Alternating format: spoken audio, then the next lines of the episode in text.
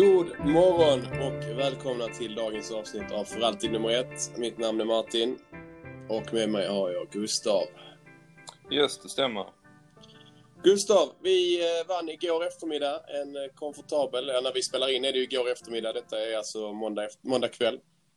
Igår eh, söndag vann vi, ja men enkelt va.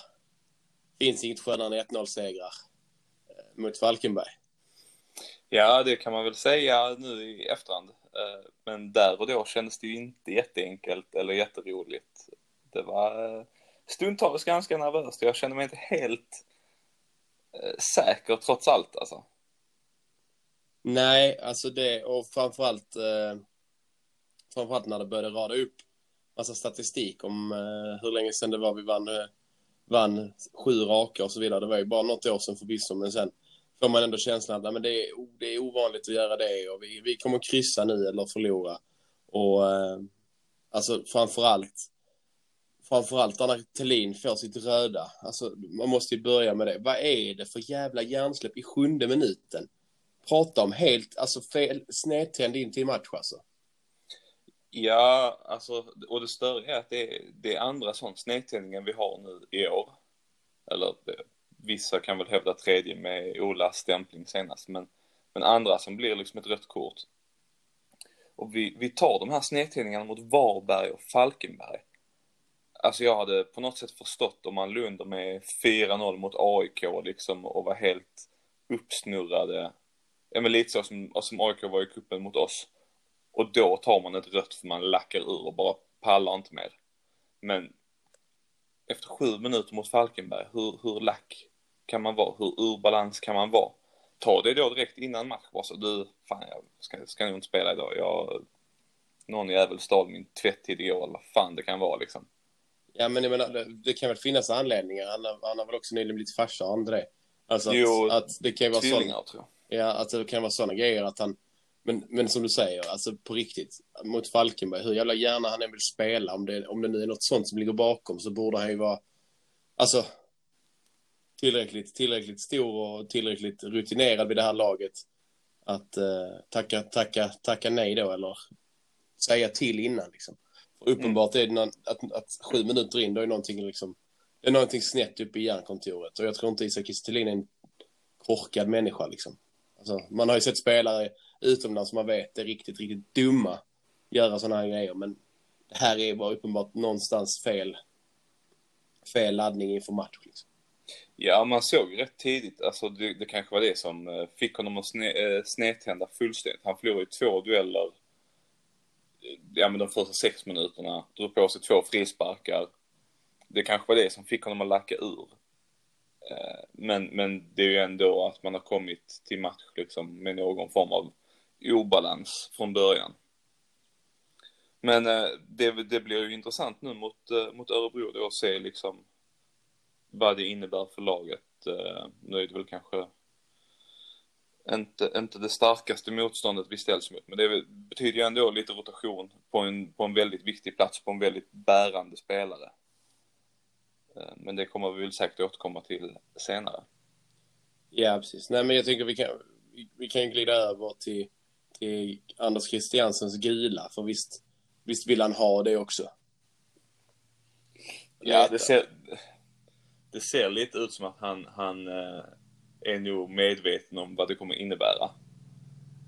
Sen, sen så var jag lagt där ändå när han tar det för att det är liksom men det var av, av andra omständigheter. Jag tyckte att det var ett par andra situationer i den matchen som förtjänade gula kort och det, det där var väl kanske inte riktigt den. Men som du säger, det är väl möjligt att han söker den för att ja, men för att nollställa sig så att det hamnar i en sån här eh, Kristoffer Olsson situation.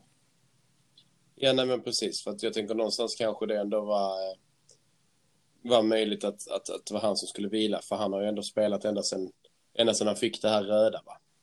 Alltså var avstängd så tror jag han har i princip varit med nästan alla matcher i alla fall. Har han vilat? Han har ju inlett på bänken äh, äh, lite då och då. Men äh, så han har inte spelat 90 i alla i alla fall. Nej, inte i all. Nej, okej, okay, men han kom in till exempel då senast efter 45 ju. Mm, precis. Så att han har ändå spelat rätt mycket. Så det, men jag vet inte om det, om det kan ligga något sånt bakom. Att han, eller han bara ville bli nollställd. För att inte bli avstängd i tuffare matcher. Men jag vet inte vad du tänkte om eh, mängden byten. Jag tyckte att det var lite överraskande. Eh, alltså, det var, nu vet jag inte exakt hur varmt det var uppe i Falkenberg. Men jag har läst liksom, att det var uppemot 30 grader. Eh, 30 grader, en man mindre och bara två byten. Vad, vad tänker du om det rent spontant? Ja, men det känns ju som att alla våra byten har ju, har ju nyttjats nästan i alla matcher och vi har fått väldigt bra effekt på våra, våra tre byten vi har gjort, ofta där runt minut 60-65. Men jag tror att i det här fallet när vi då är en man mindre och det ser ändå ganska bra ut defensivt får man väl säga. De kommer inte till... Alltså de kom, de kom ju till det här stolpe, stolpe, stolpe, stolpe-läget. Eh, som för övrigt är, ja, det är, det är riktigt, alltså det är riktigt sjukt. Jag tror aldrig jag har sett något, något liknande läge. Alltså man har sett stolpe, stolpe. Och sen kanske man har sett en stolpe, stolpe, alltså ett skott utifrån till eller något sånt som går i utsida stolpe. Men den här, alltså den här rensas ju på en anfallare. Alltså det är så, det är så osannolikt att den tar i stolpen igen alltså. Men eh, sen har de ju inte, de har något läge. Men jag tror att det kan vara anledningen till att man inte gör, alltså gör fler byten. För det ruckar någonstans ändå en, en, en balans i, i en defensiv. När vi, vi leder med 2-1 och det är 11 mot 11 och motståndarna behöver komma fram, då kan det vara skönt med Sarr och, och Traustason och Rex och Berget. Alla de man kan, kan byta in då när, beroende på vem som startar liksom. Um, men i det här fallet tror jag att det handlar rent om att behålla organisationen, låta de som jobbar jobba för att de vet liksom att de har jobbat in sig tillsammans i, i eftersom det redan skedde i minut sju. Nej, men jag är helt, helt inne på det du säger också.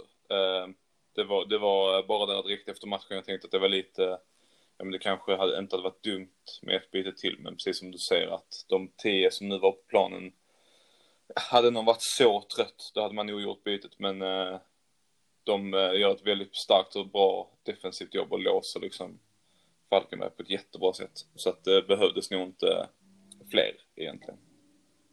Nej, alltså det... Falkenberg kommer till, jag, jag tittade, tog fram den nu, kommer till två skott på mål, så det stärker ju ändå liksom den, den känslan som jag, som jag hade. Jag, jag såg den på tåget, så att jag hade ju ett par dippar i, i, i småländska skogarna med, med täckning. Um, så att jag kan inte säga att jag har sett den här matchen super, superväl och analyserat den överdrivet noga. Men två skott på mål och, eh, och sex utanför. Vi har fyra, sju på, de, på de, den statistiken. Så att, att de har bollinnehavet så tror jag inte oroar MFF i det här fallet. Liksom.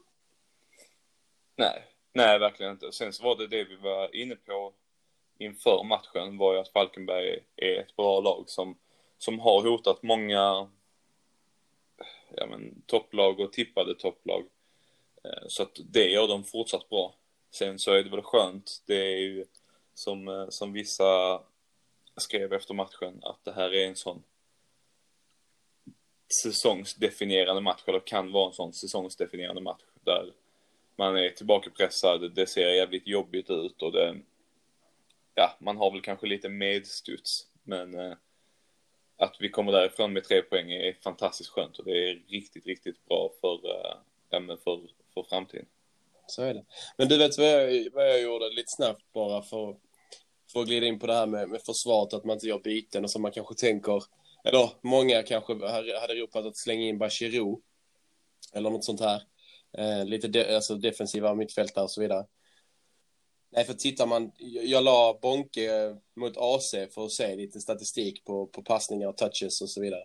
Och så, det är ju solklart, det vet vi, det, man behöver inte vara fotbollsfysiker eh, för att förstå det, men, men AC är den kreativa och har, har många fler touch på bollen. Deras passningsprocent är ungefär snarlik, 86 procent. Eh, men, men Bonke har ungefär hälften av ACs passningar. Och sen har du då, eh, har du då lägen där, där bollägande förlorat. Där har Bonke 6 och AC 13. Så det är supertydligt att Bonke liksom, han, han är på plan för att städa och det gör han jäkligt bra. Han, han vinner, vinner eh, många dueller och eh, tycker jag har utvecklats liksom även det här passningsspelet. Det är inte bara sidan, det är inte bara en två meters passning till, till närmsta utan det är även ett, ett par passningar fram i banan. Eh, lite mer konstruktiv och kreativ än, än tidigare. Och eh, det är väl kanske den här spelaren vi värvade någonstans, eller den potentialen vi värvade. För att man ska ju komma ihåg det att han är inte, han är inte gammal, eh, Bonke. Han är bara 24, så att han har ju, han har ju ändå åldern på sin sida. Kan han utvecklas så här så tror jag han kan gå ganska långt. Man har sett en, en höjning hos honom generellt senaste tiden. Uh, och allt, allt, det måste ju bara vara självförtroende för att han vågar mer, precis som du säger, han vågar ta mer kliv offensivt och börja vara bättre på offensiv planhalva också. Eh, det är inte bara att han är duktig på att städa och, och, och så, utan han, han, ja, han börjar till och med ta avslut och sånt nu liksom. Så att det kommer nog bara bli en bättre spelare och där får man väl bara ta, liksom sträcka upp henne i luften och erkänna att uh, man, man kanske hade fel där för ett eller två år sedan eller vad man, man sågade honom. Ja men absolut och det, det, det håller jag med dig om för det är nog många som har gjort och, och um, men, men det som också är intressant och roligt i den här Bonke, Bonke-utvecklingen är ju att man hör ju, hör ju framförallt kanske Johnny Fedel eller någon av tränarna som skriker något enormt rätt ofta liksom eh, Bonke rätt sida, Bonke stay, stay, stay high, bla bla bla och så vidare liksom. Så att de, de vill säkert också liksom fortsätta utveckla honom såklart till en ännu bättre fotbollsspelare. Och eh, apropå intressanta spelare som, som utvecklas konstant så eh, fick vi ju se Amin Sarri i en lite ny roll nu eh, senast.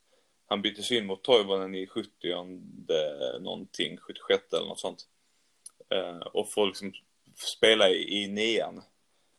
Där jag tycker att han gör det bra. Det är klart att det är svårt i ett sånt läge. Det är mycket långa bollar och press och, och så, men konstant match för match tycker jag han utvecklas eh, och man ser liksom enorma kliv från hans debut eh, till nu och, och det kan, kommer att bli jätteintressant att följa honom den här säsongen om han bara kan fortsätta ta de här kliven och bli ännu bättre så tror jag att vi har en riktig guldklimp där.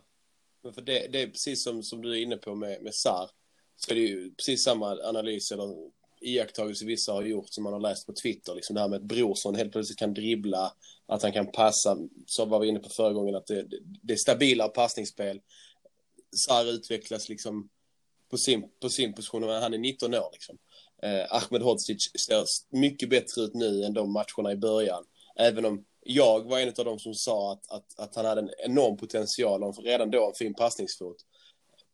Men någonstans att det här det ska Jon Dahl Tomasson nog ha enormt med cred för och Remi Reinirsen kanske främst. Att det här bollandet, utvecklandet av spelarna. Nu har vi varit inne på ett par stycken bara, det är säkert fler som Berget tycker jag är en sån som har, har klivit fram enormt. Liksom, vad är det, fem, fem mål, fem raka matcher liksom. Inte att förglömma då eh, den utvecklingen där också liksom. Men eh, med, med, för att avsluta Amin Sar så tycker jag ändå någonstans det är skönt att vi har fått ett avslut idag. Eh, bara några timmar innan vi spelar in här på, på Team Pritcha. Svintråkigt att han lämnar, men, men skönt att man inte behöver liksom, ja, fundera mer på den och var kommer han spela? Blir det Rosenborg hit och dit? Inte, inte för att det kanske är någon, någonting man ligger sömnlös över direkt, men det är alltid skönt när det liksom, när det är definitivt sådana saker för att vill du inte vara här så, så varsågod, dörren är där liksom. Um, då, är du, då, är det ingenting, då har du ingenting i Malmö FF att göra. Liksom. Var här, kriga i så fall om du vill spela MFF. Det ska betyda något för dig liksom. Och jag kan avsluta med det också som jag sa efter att den här, vad var 14-åringen hade gått till, till FCK. Eh, det är att vår klubb går inte under över att liksom en eller två spelare, talangfulla spelare eller fullt utvecklade spelare lämnar. Det står re, eh, nya redo och knackar på dörren. Så är det. Vi går vidare. Vi har också vunnit SM-guld precis som Bosse Larsson och Christer och alla de här imorgon, när ni hör detta, alltså onsdag, så möter vi Örebro. Och precis som vanligt så går vi igenom eh, motståndet. Vi eh, kikar lite på vårt, eh, våra resultat mot Örebro. Vi kommer gå igenom deras sex senaste matcher och lite, eh, lite annan info vi har snappat upp om Örebro som kan vara värd att veta inför det här första mötet med Örebro. Vad säger du om Örebro, Gustav? Nej, men jag, jag tycker väl att Örebro är rätt svåra att, att bedöma. Eh, de ligger väl lite där, ja men där de är tippade att ligga. Eh, men spelmässigt så, så vet jag faktiskt inte riktigt var jag har dem. Nej, och det... Jag har febrilt letat efter det här citatet. Jag är nästan säker på att det är Nahir Besara som har sagt det. Att de, de, de, han får någon form av fråga, liksom, hur känner du att ni ligger där ni ligger eller något sånt. Och då svarar han att vi har ju alltid legat nia, jag vet inte vad ni förväntar er att vi ska ligga, det är klart vi ligger nia. Vi spelar som ett lag som ligger nia, typ något i den stilen. Jag, jag reserverar mig för eventuella fel nu, men, men eh, jag kan inte ha drömt det. Det, det känns föga troligt. Um, och det, det, känns ju som att ett sånt lag som Örebro, precis som du säger, de vinner mot, mot lag ibland och gör det superbra. Och det lossnar och de spelar jättebra fotboll. Och sen förlorar de mot ett topplag eller mot ett eh, bottenlag. Um, kikar man på de, de sex senaste matcherna som vi har här så har de nu senast fick de 1-1 hemma mot Göteborg. Göteborg får återigen ett mål i slutet. 84 minuten, Sanna sätter straff. Innan dess hade Agon gjort mål. Sen har de Kalmar borta och Kalmar borta, eh, ja, alltså de, de var ju bedrövliga i den matchen, men Nahir Besara var briljant, det, det jag såg. Sen har de två plumpar, förluster mot Falkenberg hemma med 1-2 och eh, även där ett sent mål från Falkenberg 89. Och sen Hammarby 3-0 eh, på eh, badkaret på Tele2. Och sen Helsingborg 1-1, HF mål i 95. Så att det känns ju som att hade de haft flyt, det som vi pratade om innan, det här stolpe-stolpe-grejen, hade de haft flyt så hade de ju haft i alla fall en två, fyra poäng till här i, i den här eh, tabellraden och då ser det ju helt plötsligt ut som, ja, men som ganska bra. Liksom. För nu är det två kryss, två förluster och två segrar på de sex senaste. Så att det, det är väl det som gör dem ganska svårbedömda. Nu har inte någon av oss suttit och kollat supermycket Örebro, men, men eh, den har varit på lite då och då och man har fått highlights och kollat lite highlights. Så har man, eh, har man sett att de, de, de har kvaliteter. Alltså, de har vissa spelare som vi bör se upp med ganska mycket. Ja, alltså Besara har väl de, de flesta sett hans insats mot, mot Kalmar i något highlight-paket. Eh, sen har ju Agon plingat till en hel del i eh, ja, de här Dplay-plingen och sånt också. Så att det, det, finns ju spelare där som, som presterar och gör det bra och liksom som man borde se upp med. Så kan man väl eh, enkelt sammanfatta det. Absolut. Du, eh, du glömde Superettans skyttekung förra året, va? Björndal. Men nu var inte han med, tror jag, senast mot... Eh, mot det var nog därför Agon startade. Då gjorde han mål, liksom. Så att... Äh, jag tror att... Tror att det, precis som vi var inne lite på mot Falkenberg, att man ska nog inte underskatta Örebro, trots att de ligger där de ligger, 9-10 i tabellen, så kan det bli ganska, så, ganska tufft. De, de har ju också gjort det här bytet från en fembackslinje till fyrbackslinje. Ehm, precis som Malmö gjort och Norrköping. Ehm, men jag tror att, jag tror att vi, ehm, vi roterar lite på, på onsdag och får in hungriga, hungriga ben och huvuden som vill visa. Och vi tvingas ju rotera med tanke på att Isak och eh, AC inte är disponibla. Tror du Bejmo hinner bli klar innan eh, onsdag? Det tror jag inte. Men du tror att han blir klar efter onsdag? Ja, jag tror att det kan, kan nog skyndas på nu närmsta tiden beroende på liksom, eh, ja, i med lotterna och sånt som har fallit nu idag också. Eh, men jag tror att han kommer presenteras den här eller nästa vecka. Jag tror vi har en presentation av Felix Beijmo idag, imorgon, tisdag. De har inte det vi har. Vi har allt. De har inte allt. Enkelt. Europa står ju för dörren här. Det är ju inte många dagar kvar innan eh, vi ska spela vår nästa Europamatch. Och för motståndet fick vi reda på idag står KS Krakowia från Polen, de polska cupvinnarna, Gustav. Yes, eh, och det kan man väl precis som resten av eh, sfären, säg att man inte är jättekunnig i det här Ja men polska mittenlaget i ligan vill jag nästan säga alltså. Ehm, men precis som de flesta andra så kollar vi upp dem lite efter, efter lotten föll här. Ehm, och som du sa, de vann, eh, vann polska kuppen efter förlängning mot Gdansk. Och vi, eh, du luskade ju lite på Twitter innan och eh, fick fram att de slut Legia Warszawa i semifinalen och det är ju ett lag alla känner till. Eh, eller de flesta känner till i alla fall, som är väl ett av de främsta lagen i Polen. Men där, där så sägs det att det var lite, ja men lite chansartat och, och Legia tog väl det kanske inte, de gick väl inte in riktigt med, med bästa laget och, och eh, ja men det var väl precis som vi hade, lite medstuds. Inte som vi har i kuppen då, utan i allsvenskan. Nej, men precis. Jag frågade på Twitter, jag såg någon polski futbolski, för övrigt nice namn, ehm, som, som, ehm, som skrev lite, någon som, någon som frågade om våra chanser och vi såg som favoriter och att de här Krakowia då behöver göra allt rätt i ett möte med Malmö och vi, vi behöver ha en, en sämre dag.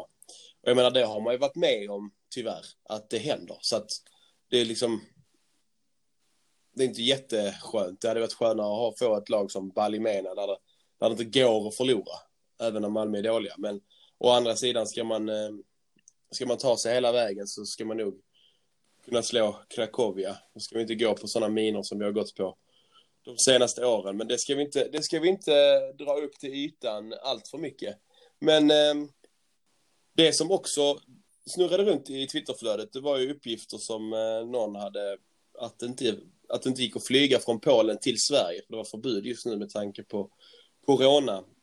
Och då är det ju som så att om, vi har, om jag har förstått det rätt så innebär det att om ett lag inte kan ta sig till det andra landet där de ska spela så kommer det spelas på neutral mark där båda lagen, dit båda lagen kan åka. Och då är det någon dag innan bara som det, som det avgörs. Liksom. Så att just nu gäller det här förbudet eller restriktionen från, eh, från Polen till Sverige till och med 11 augusti. Och sen var det då någon som var inne på, eh, på det här, men de kommer ju flyga till Köpenhamn och det är ju inte samma land liksom. Eh, men, men det är inte säkert att Uefa ens tillåter dem göra det. Det är inte säkert att de kan ta den vägen med tanke på corona eftersom att Dan, vi vet inte hur Danmarks förhållande är till, till Polen. eh, och så vidare. Ju. Så att det där kan nog bli en liten följetong fram till den 27 augusti när vi spelar matchen. Um, för, för, att när vi, vi mötte FCK så fick ju inte vi bo i Malmö utan då var man ju tvungen, för att inte göra som AIK mot, eh, mot Kalmar ju. Att fastna av någon anledning på andra sidan bron, även om det bara är en 25-30 minuters bussresa.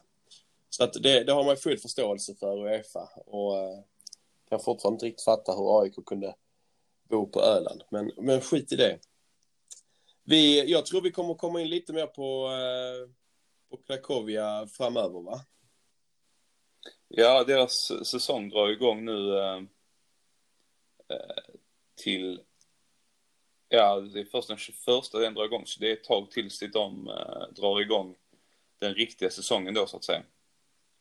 Så att det är svårt, det är svårt lag att analysera så här på på förhand. Vi har inte jättemycket att gå på. Vi kan kolla liksom ja, med lite tabeller och, och sånt från förra året. Uh, och där kan jag väl tycka att, jag kollade det lite innan, där kan jag tycka att det är lite anmärkningsvärt med tabellraden 16, 5, 16.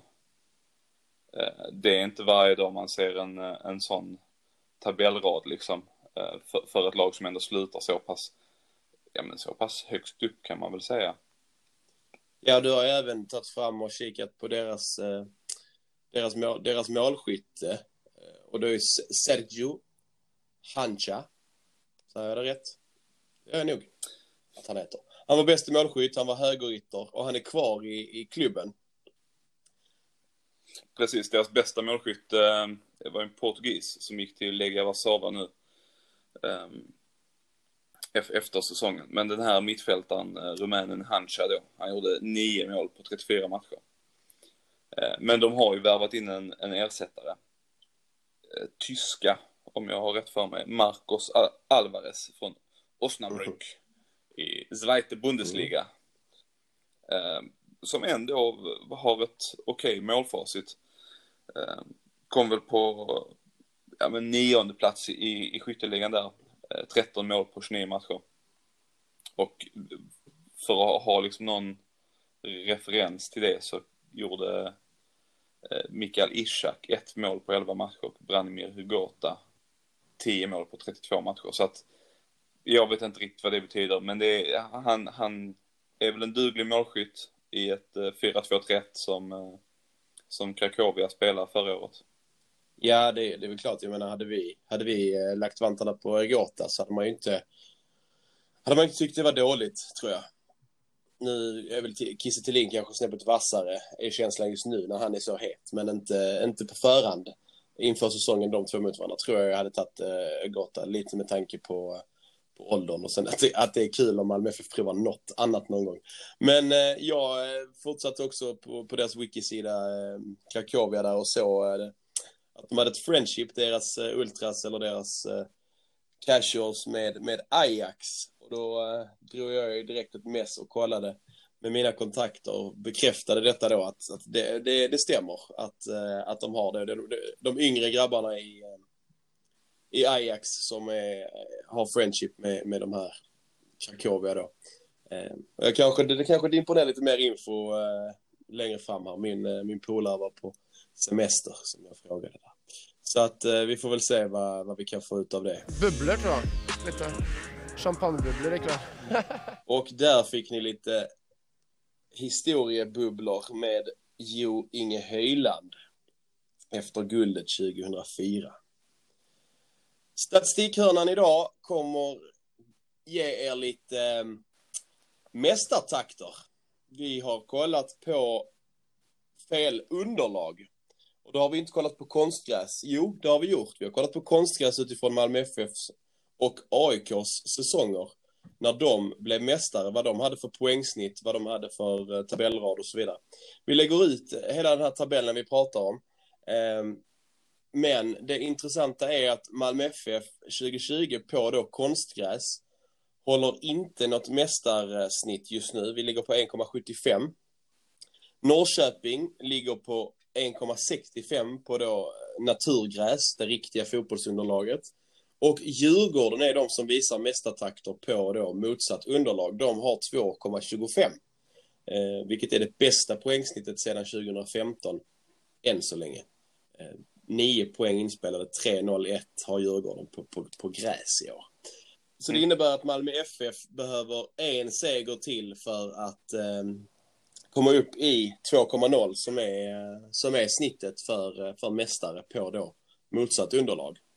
Och ehm, det ska vi väl kunna ta. Det tycker jag absolut. Jag tänkte bara flika in här lite snabbt för att nu är ju matchen i Helsingborg slut. Eh, och den slutar 3-2 till, till hemmalaget. Det vill säga att Norrköpings snitt nu är 1,25 på fel underlag. Så de är en bit ifrån eh, mästarsnittet där faktiskt. Ja, det är två segrar ifrån då ju. Jag kan även flika in med en annan, annan eh, grej här. Vet du vilket lag eh, som har ett klart bättre snitt än både, eller än alla de här tre lagen, MFF, Djurgården och, och Norrköping på fel Ja, underlag? jag gissar Elfsborg. Det stämmer. De har alltså 2,6 i eh, snitt på gräs. Eh, och det kan man ju bara liksom, konstatera att det, det är väldigt imponerande.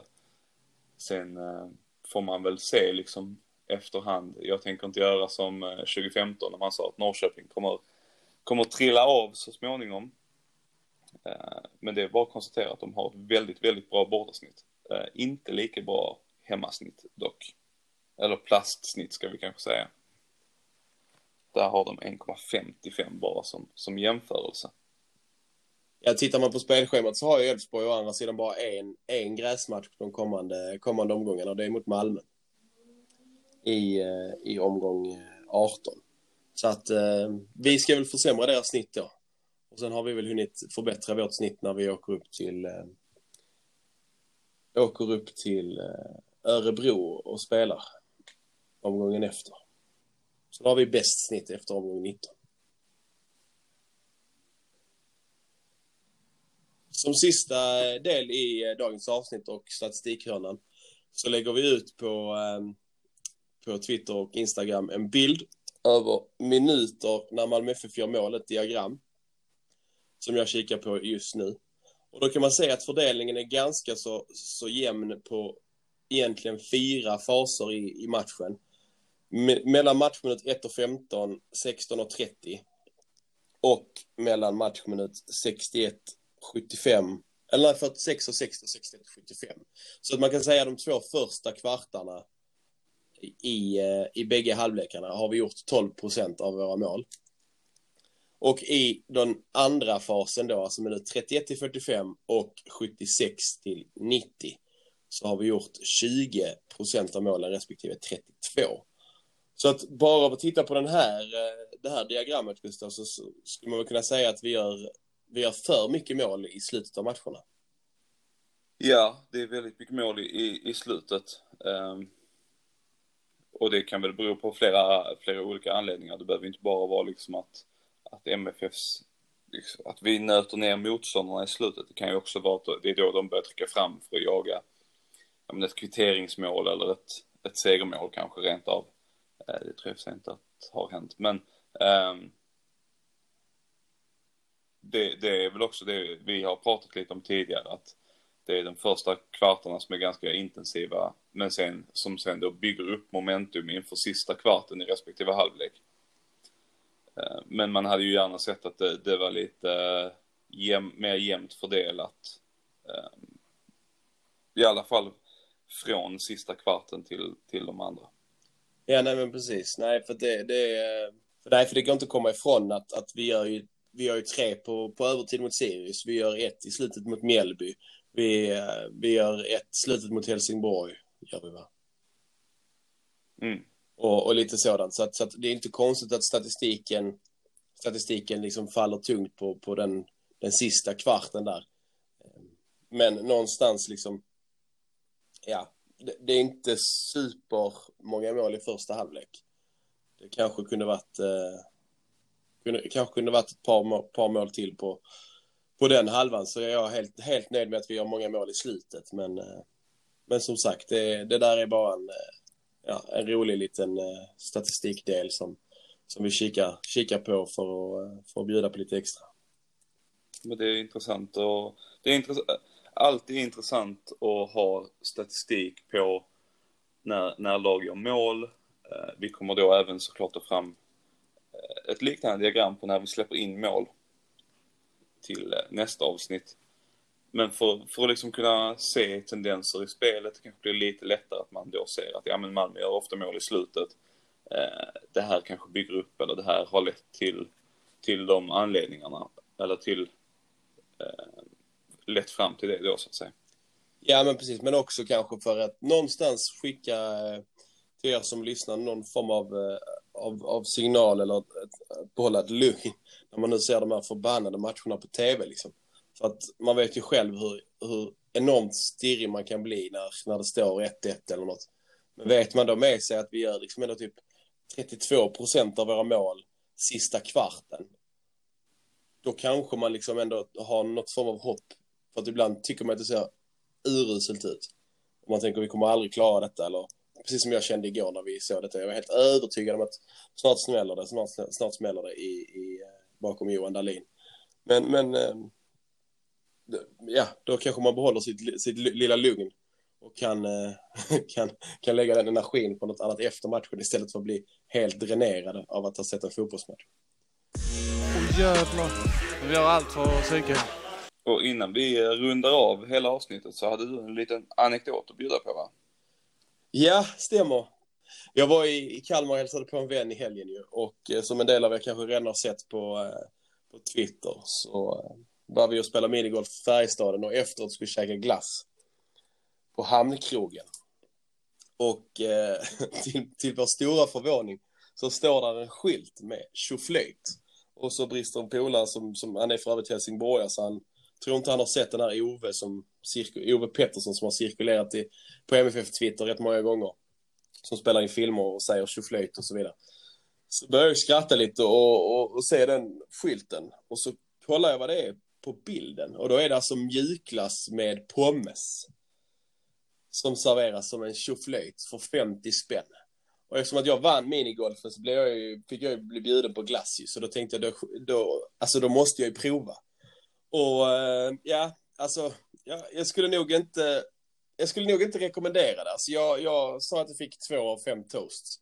Det var inte äckligt, men det var heller inte gott. Det var en jävla udda känsla alltså. Det var... Eh, ja, det kändes fel. Men, eh, ja. Den eh, provade man ju och eh, Malmö FF vann. Så att, eh, och Kalmar FF vann och så Ove Pettersson åkte dit efter och tog en tjoflöjt han med. Så att, eh, jag vet inte om han blev inspirerad av mig eller vad det var, men eh, retweeta mig, det gjorde han och, eh, och tyckte det var, var kul med glass i Färjestaden kanske. Fan vet jag. Men om ni är där uppe någon gång så, eh, ja, åk, åk dit och ta en uh, glass pommes eller pommesglass eller vad man... Ja, för Malmö FF vann ju faktiskt. Så att, eh, jag skrev ju ändå imorgon är Malmö FF tjoflöjt och eh, en bild på, på den här tjoflöjten då. Så att eh, det är kanske därifrån vi får se den här Ove Petterssons alla filmer framöver eftersom att Kalmar FF vann eh, först när jag åt den och han åt den. Så att eh, det vore, vore väl skönt om de kan spela sig kvar i Allsvenskan eh, på grund av lite tjoflöjtglassar från Färjestaden. Stort tack för att ni har lyssnat. Följ oss på sociala medier, Fane Podcast på Twitter, alltid nummer ett på Instagram. Dela gärna och uppmuntra era polare att lyssna. Det gillar vi. Så fortsätter vi köra. Hörs vi efter Örebro. Ha det gott! Ha det gott! Hej. Hej.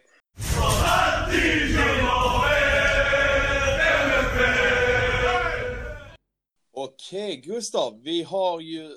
Okej, Gustav. Vi åker inte upp till Örebro omgång Jo. 19. Vi åker väl upp dem imorgon. Nej, vi spelar i Malmö imorgon. Är det jag?